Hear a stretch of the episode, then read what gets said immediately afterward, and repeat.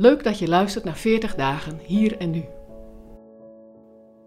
Het is dag 23 van de 40 dagen tijd. En deze week heeft als levensles gul geven. Je luistert naar een bijdrage van Peter Wierega.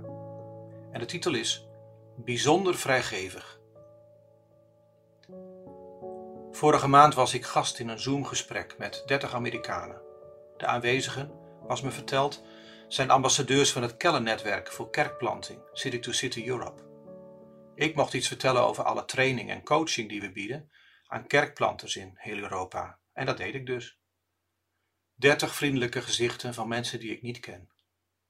Mensen die allemaal extra vroeg waren opgestaan voor deze meeting en vanuit hun huiskamer in Amerika waren ingelogd om iets te horen over die moeizame groei van Gods Rijk op ons Europese continent.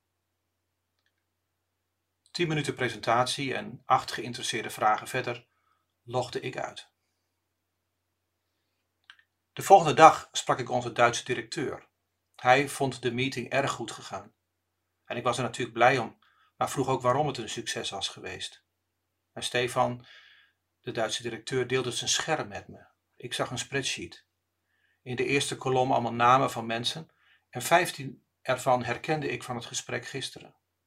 En daarna stond onder het kopje Bijdragen 2020 een serie bedragen. En in een latere kolom, al grotendeels gevonden, stond Toezeggingen 2021.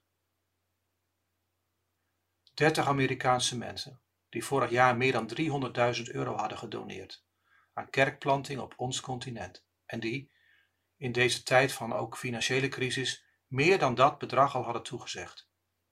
Hun manier om bij te dragen aan de groei van Gods Rijk. Soms ontmoet je zomaar, zonder dat je het van tevoren weet, dertig mensen die de cultuur van Gods Rijk uitleven, zijn vrijgevigheid hebben omarmd, door dat zelf ook te zijn. En ik vroeg aan Stefan waarom hij me niet had gewaarschuwd voor het belang van die presentatie en van het Zoom-gesprek.